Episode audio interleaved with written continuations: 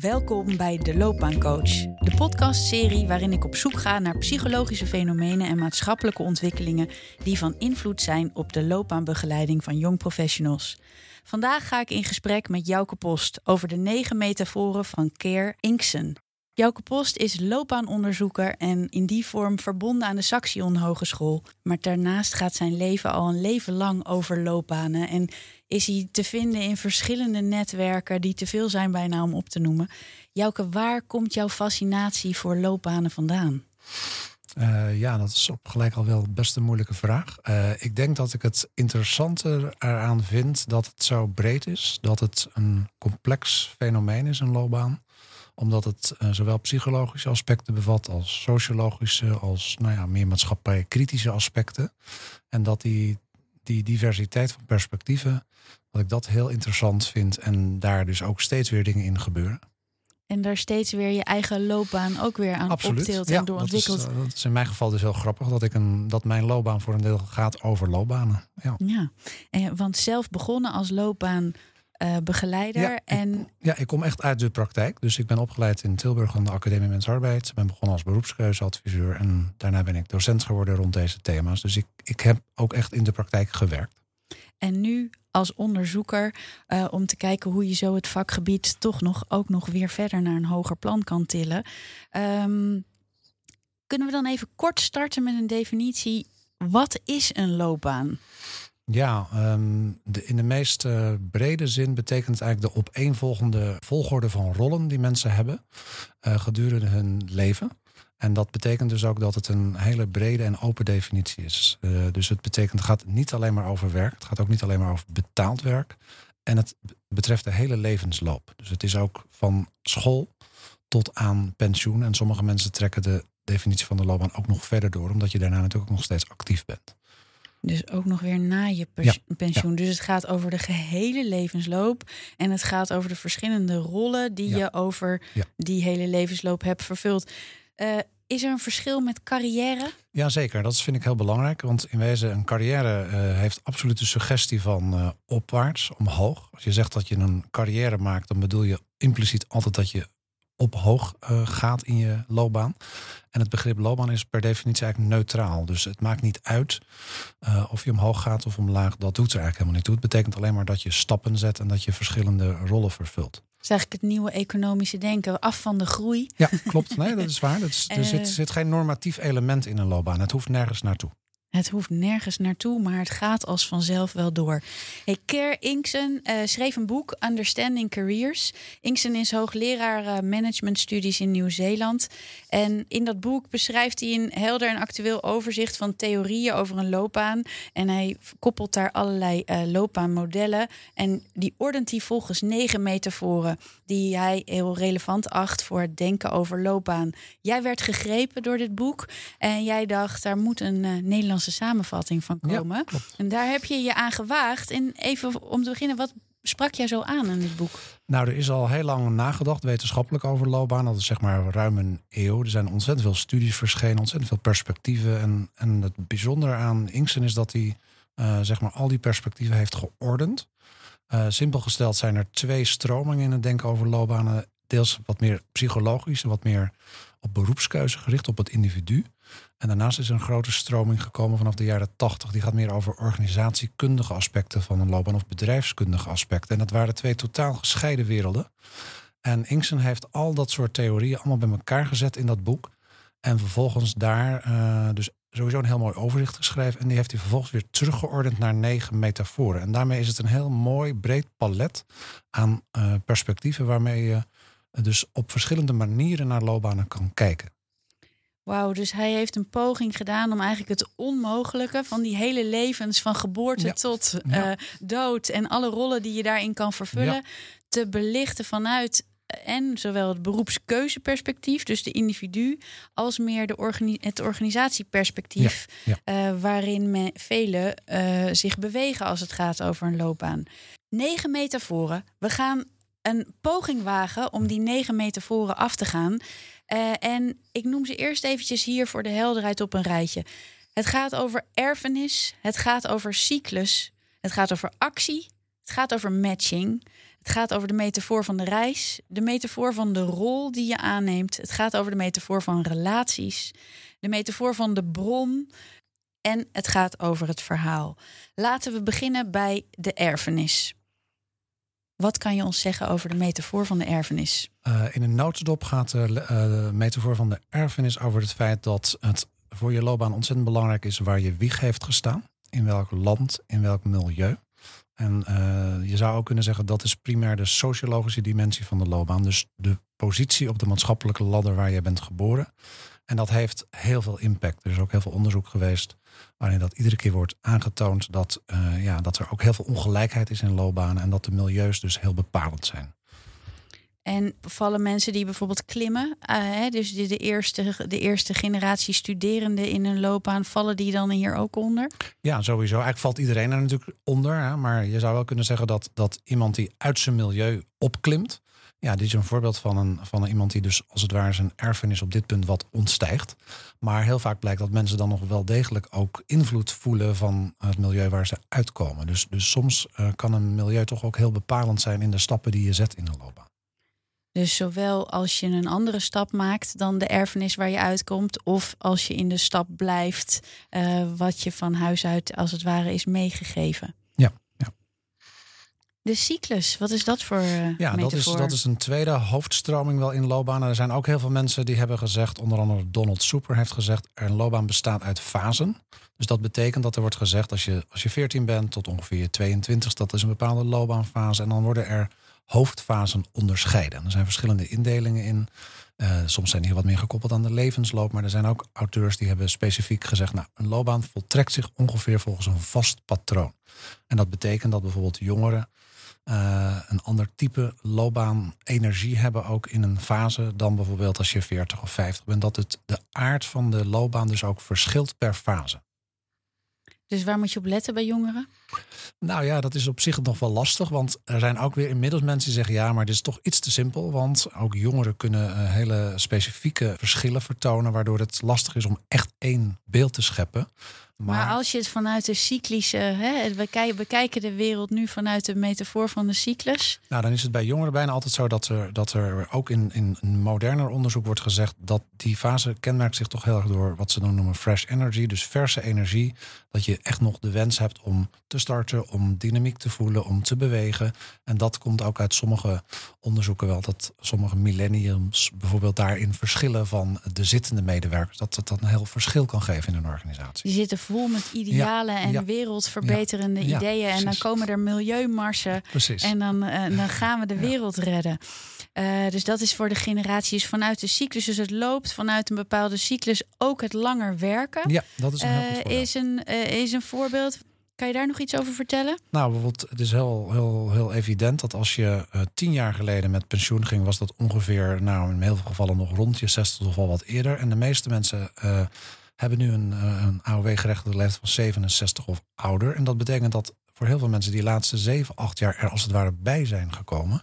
En dat uh, begrippen als duurzame inzetbaarheid. Hoe hou je jezelf fit gedurende die loopbaan als je stratenmaker bent of installatiemonteur? Dat je dat soort vragen in die eindfase van de loopbaan ook veel meer krijgt. Er zijn bijvoorbeeld ook stemmen die gaan op om te zorgen dat mensen een zogenaamde loopbaan APK moeten doormaken. Om te kijken hoe, hoe fit zit ik nog in die loopbaan en hou ik het überhaupt vol tot het einde van de rit. Ja, wat past er dan bij de cyclus en wat is er dus nodig? Dat is de cyclische benadering. Uh, dan de actiebenadering of het actieperspectief.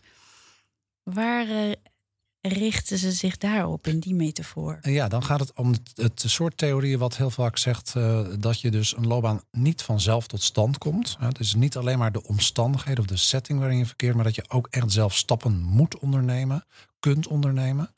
En dat um, bijvoorbeeld het feit dat je dus ook alleen maar echt tot zelfkennis kunt komen in je loopbaan door dingen te doen. Dus dan gaat het over het feit dat je bijvoorbeeld via stages en via uh, allerlei vormen van exploratie. Dus het verkennen van contexten, uh, kennis over jezelf kunt opdoen en dat die iedere keer weer voedend is om uh, zeg maar ook weer de volgende stappen te kunnen zetten.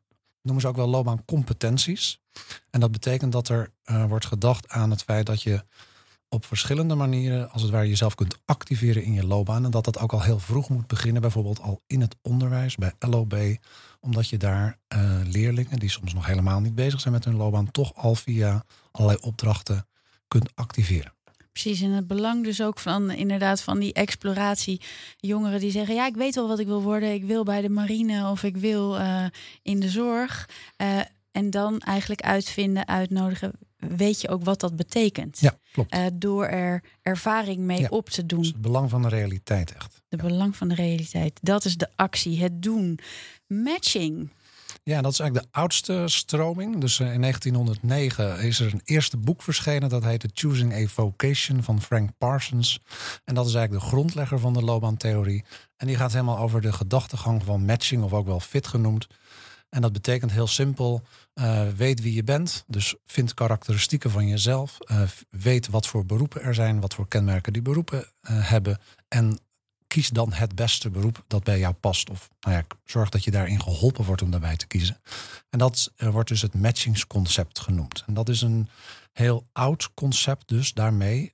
dus dat gaat ook heel erg over het aspect van geschiktheid. Voor sommige beroepen ben je misschien ongeschikt of meer geschikt dan andere beroepen. En uh, ja, je ziet eigenlijk dat, dat het matchingsconcept bijvoorbeeld meespeelt in sollicitatiegesprekken of bij assessments, bij selectieprocessen. Dus het hele denken in geschiktheid of in uh, matching is een heel dominant begrip altijd nog in loopbaan. Passen jouw persoonlijkheidskenmerken ja. ook bij wat we hier zoeken en willen ja. in de organisatie? Ja. Is daar een match? Helder. De reis. De reis. heel mooi. Daar ja, krijg ja, zin in. Ja, ja klopt. uh, de reis gaat over, dat is op zich een metafoor die heel prominent is. Ook als mensen over hun loopbaan vertellen, daar kwam Ingsen achter. Dan ongeveer de helft van de mensen gaat praten in taal die te maken heeft met reizen. Dus die zien het als een, als een tocht of als een, als een, als een, ja, als een, als een weg. Dus een, een reis is, sta, staat voor het feit dat een loopbaan natuurlijk best lang duurt. En dat je eigenlijk toch heel veel dingen niet goed kunt weten aan het begin van die loopbaan. Bijvoorbeeld waar je uitkomt of hoe je zult komen waar je wilt komen. Dus daar zit het element in dat het zich als het ware ontvouwt. En dat die loopbaan gaandeweg steeds, uh, ja, zeg maar via allerlei tussenstappen, nou ja, zich ontwikkelt als een echte reis. Dat je ook niet precies weet of je nou naar Noorwegen of naar Spanje gaat. Dat element zit hierin. Kunnen jongeren dat goed vandaag de dag? Uh, nee, nou ja, de, dat is altijd wel heel grappig. Dat als, toen ik in de praktijk werkte, was het al zo dat uh, heel veel jongeren idee hadden van ja, ik maak een keuze voor het leven. Dus die hebben het idee dat ze aan het begin van de reis, uh, bij wijze van spreken, in een bus of in een vliegtuig stappen. En dat ze dan niet meer uit dat vliegtuig uit die bus kunnen. Terwijl ja, dat is nou een van de interessante kenmerken van de moderne arbeidsmarkt. Dat is steeds minder het geval. Dus de angst om vast te zitten in die reis is eigenlijk veel groter dan de realiteit nodig maakt. Dus het, het, hoeft niet te zijn, je hebt een kaartje gekocht voor dat ticket, die, uh, dat je nooit meer een afslag kan weten. Uh, ik weet nog steeds niet wat ik wil worden. Dus uh, de reis is in volle gang. Weet jij al wat je wil worden? Absoluut. Ja. ja?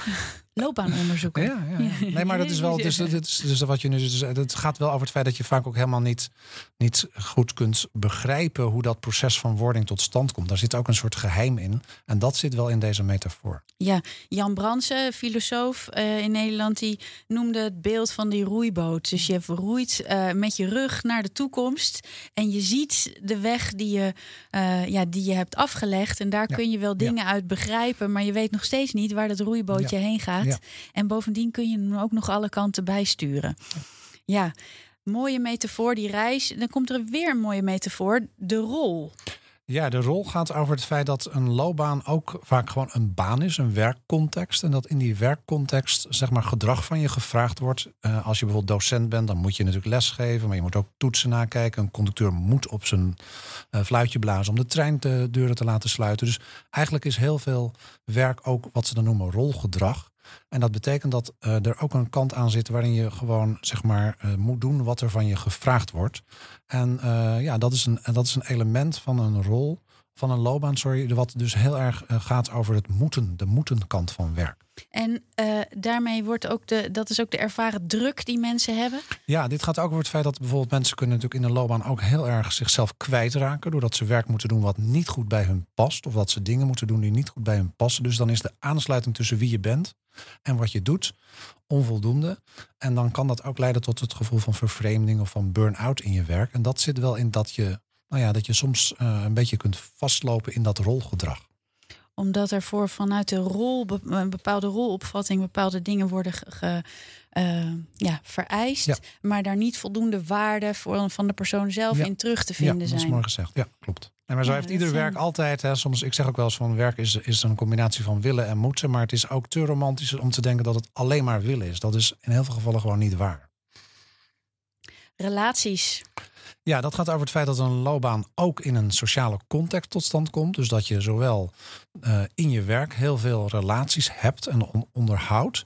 Maar ook dat uh, je loopbaan voor een heel groot gedeelte tot stand komt door de mensen die je kent. Als je aan mensen vraagt van welke stappen heb jij gezet, dan blijkt heel vaak dat ze via hun netwerken, dus de mensen die ze via hun werk hebben ontmoet, ook weer volgende stappen hebben gezet. Of dat ze zijn aanbevolen door mensen voor een bepaalde baan naar een andere baan te gaan. Dus in die zin is het de sociale dimensie van de loopbaan komt heel erg in deze metafoor eh, tot uitdrukking. Dat betekent bijvoorbeeld ook dat mensen die op zoek moeten naar nieuw werk heel vaak wordt aangemoedigd om hun netwerken goed te benutten of te versterken, omdat de kans dat je via andere mensen werk krijgt veel groter is dan in heel veel gevallen dan alleen maar via zeg maar koud solliciteren.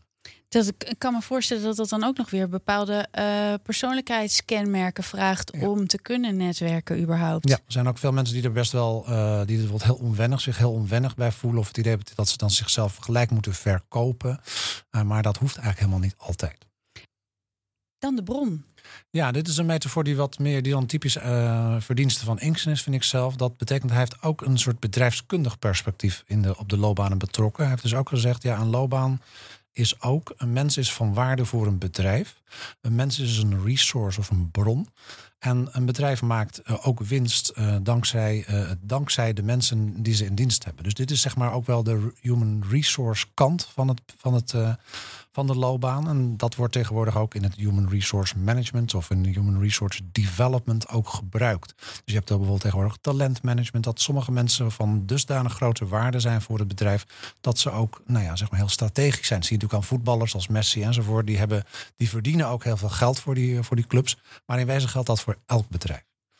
En de meest, laten we zeggen, schrijnende kant hiervan is ook dat mensen vaak het idee hebben van als ze bijvoorbeeld worden ontslagen, dat ze dan schrikken van het feit dat ze ook maar gewoon een productiemiddel zijn en dus ook kunnen worden afgedankt. Hè. Dus heel veel ontslagrondes blijkt ook dat mensen dat heel erg pijnlijk vinden. Omdat ze dachten, ja, ik was toch onmisbaar. Maar dat blijkt dan toch niet het geval te zijn. Deze bron is nu overbodig. Ja, en dan word je gewoon de deur uitgezet. En dan moet je dus, dat voelt dan waardeloos, dus dan moet je dus weer opnieuw op zoek naar waarde. En waar je dan weer in een andere organisatie weer of op een andere plek weer een nieuwe bron zou kunnen ja, dat kan een heel intens uh, transitieproces zijn voor mensen, omdat ze echt, terwijl ze in, dat, in die context heel veel waarde hadden en dachten te hebben, maar dat ze toch via dat ontslag dat even helemaal kwijt zijn geraakt en zich dan moeten hervinden. Uh, het is een mooi bruggetje naar de laatste metafoor die we hebben, namelijk het verhaal. Want eigenlijk als je dus nou, als bron bent afgedankt, uh, maar dan moet je je verhaal als het ware opnieuw gaan schrijven. Waar gaat dat verhaalmetafoor over? Nou, de verhaalmetafoor dat raakt aan het feit dat, dat een loopbaan natuurlijk heel sterk gekoppeld is aan wie je bent, aan je identiteit. En dat heel vaak wordt gezegd dat een identiteit niet iets vaststaand is. Hè? Dat noemen ze ook wel de narratieve benadering. Dat betekent dat je veel meer uh, zeg maar een vloeibare of een dynamische identiteit überhaupt hebt. En dat het veel mooier is om te, om te praten over het verhaal dat je jezelf vertelt over jezelf. En dus ook over je loopbaan. En dat in die zin het gaat over dat je daarin ook een soort actieve rol hebt. Je construeert als het ware je verhaal en dus ook je loopbaan. En dat zie je wel terug in het feit dat een loopbaan sowieso een heel uniek patroon is. Er is niemand met precies dezelfde loopbaan die jij hebt. En uh, het is dus het, het, het, het, eigene, het bijzondere ook aan een loopbaan. Dat zie je ook heel vaak als mensen afscheid nemen of bij pensioen. Dat ze terugblikken. Ja, die terugblik is natuurlijk heel vaak heel particulier, heel eigen. Als we deze metaforen nu allemaal op een rij hebben, uh, Jouke, uh, want het is natuurlijk nogal een lijst. Wat heb je daaraan als loopbaanbegeleider? Ja, dat is een hele mooie vraag. Uh, heeft zijn boek niet primair geschreven om, zeg maar, vanuit het methodische. Hij heeft het vooral geschreven als een manier om naar een loopbaan te kijken. Het boek heet ook Understanding Careers. Hè. Dus hij zegt het is zo'n rijk en complex mozaïek. Dus als we deze negen brillen opzetten, krijgen we die rijkdom goed in beeld. En ik denk voor mij is het een van de manieren, een van de waarden is het feit dat je dus deze metaforen, je kan ook zeggen het zijn brillen die je opzet, dat alleen al het opzetten van die brillen naar één klant bijvoorbeeld die je begeleidt al enorm kan helpen om het hele rijke verhaal van iemand uh, te kunnen doorgronden. Dus stel je hebt bijvoorbeeld een, je begeleidt bijvoorbeeld, ik noem maar wat, een, een statushouder. Hè? En uh, die komt natuurlijk uit een land. Dat betekent dat dat, dat dat aspect van die erfenis al heel erg dominant is. Het betekent bijvoorbeeld ook dat hij voor een beroep heeft geleerd. Hè, we kennen allemaal die verhalen. Wat veel hoger opgeleid is dan het beroep wat hij in Nederland kan uitoefenen. Dan komt dat aspect van de match al naar voren hij of zij zal moeten wennen aan de rol, het rolgedrag wat in Nederland typisch hoort bij arbeid of bij het hebben van een uitkering, bijvoorbeeld het moeten leveren van een tegenprestatie. Al dat soort aspecten kun je best heel mooi benaderen of een beetje grip krijgen op die loopbaan door die metaforen ook uh, ja, zeg maar te, te gebruiken in het gesprek. Er zijn ook wel professionals overigens die deze metaforen in gespreksvragen hebben vertaald, waardoor eigenlijk het verhaal van die klant ook via de metaforen wordt benaderd. Dat is één. Het tweede aspect wat ook veel kan spelen is dat sommige instrumenten die in loopbaanbegeleiding worden gebruikt, neem maar bijvoorbeeld assessment of bepaalde vormen van uh, zeg maar diagnostische instrumenten ook al in de metaforische sfeer kunnen worden geduid. Dus dat je ook uh, ja, zeg maar je methodische manier van werken wat kan linken aan vanuit welke metafoor werk ik eigenlijk. Heb je daar een voorbeeld van? Nou, bijvoorbeeld een heel goed voorbeeld is de biografische methode. Die eigenlijk vraagt aan mensen om hun levensverhaal of hun loopbaanverhaal in, in te delen, vaak in fasen of daar via tekeningen wat kleuring aan te geven, letterlijk en figuurlijk. Ja, dat past heel erg mooi bij de, uh, bij de metafoor van het verhaal. Uh, zit ook natuurlijk het element van cyclus in. Dus heel vaak is het ook niet zo dat er maar één metafoor is, maar dat het zich vanuit verschillende metaforen laat benaderen. En ik hou erg van het feit dat Inksen, uh, je kan zeggen, een loopbaan is zo rijk en zo dynamisch ook. En ook een, het wordt wel een complexe mozaïek genoemd, dat het niet alleen maar een rationeel verhaal is, een loopbaan. En dat juist dat spelen met die metaforen je kan helpen om ja, niet zozeer grip te krijgen, maar het als het ware te belichten. En dat uh, spelen is. Ik heb Inksen ook een keer uh, bij een lezing gehoord. Hij is heel ruim in de mag van hem zo nog een meter voorbij. Vindt hij allemaal prima. Hij benadrukt heel erg van: doe ermee wat je wil. Speel ermee en probeer op die manier waarde te geven aan nou ja, de dynamiek van de loopbaan van het individu. Dus dit is de uitnodiging, Jouke. Speel met de metaforen. kijk naar degene die je voor je hebt en wat het voor loopbaanvraag is.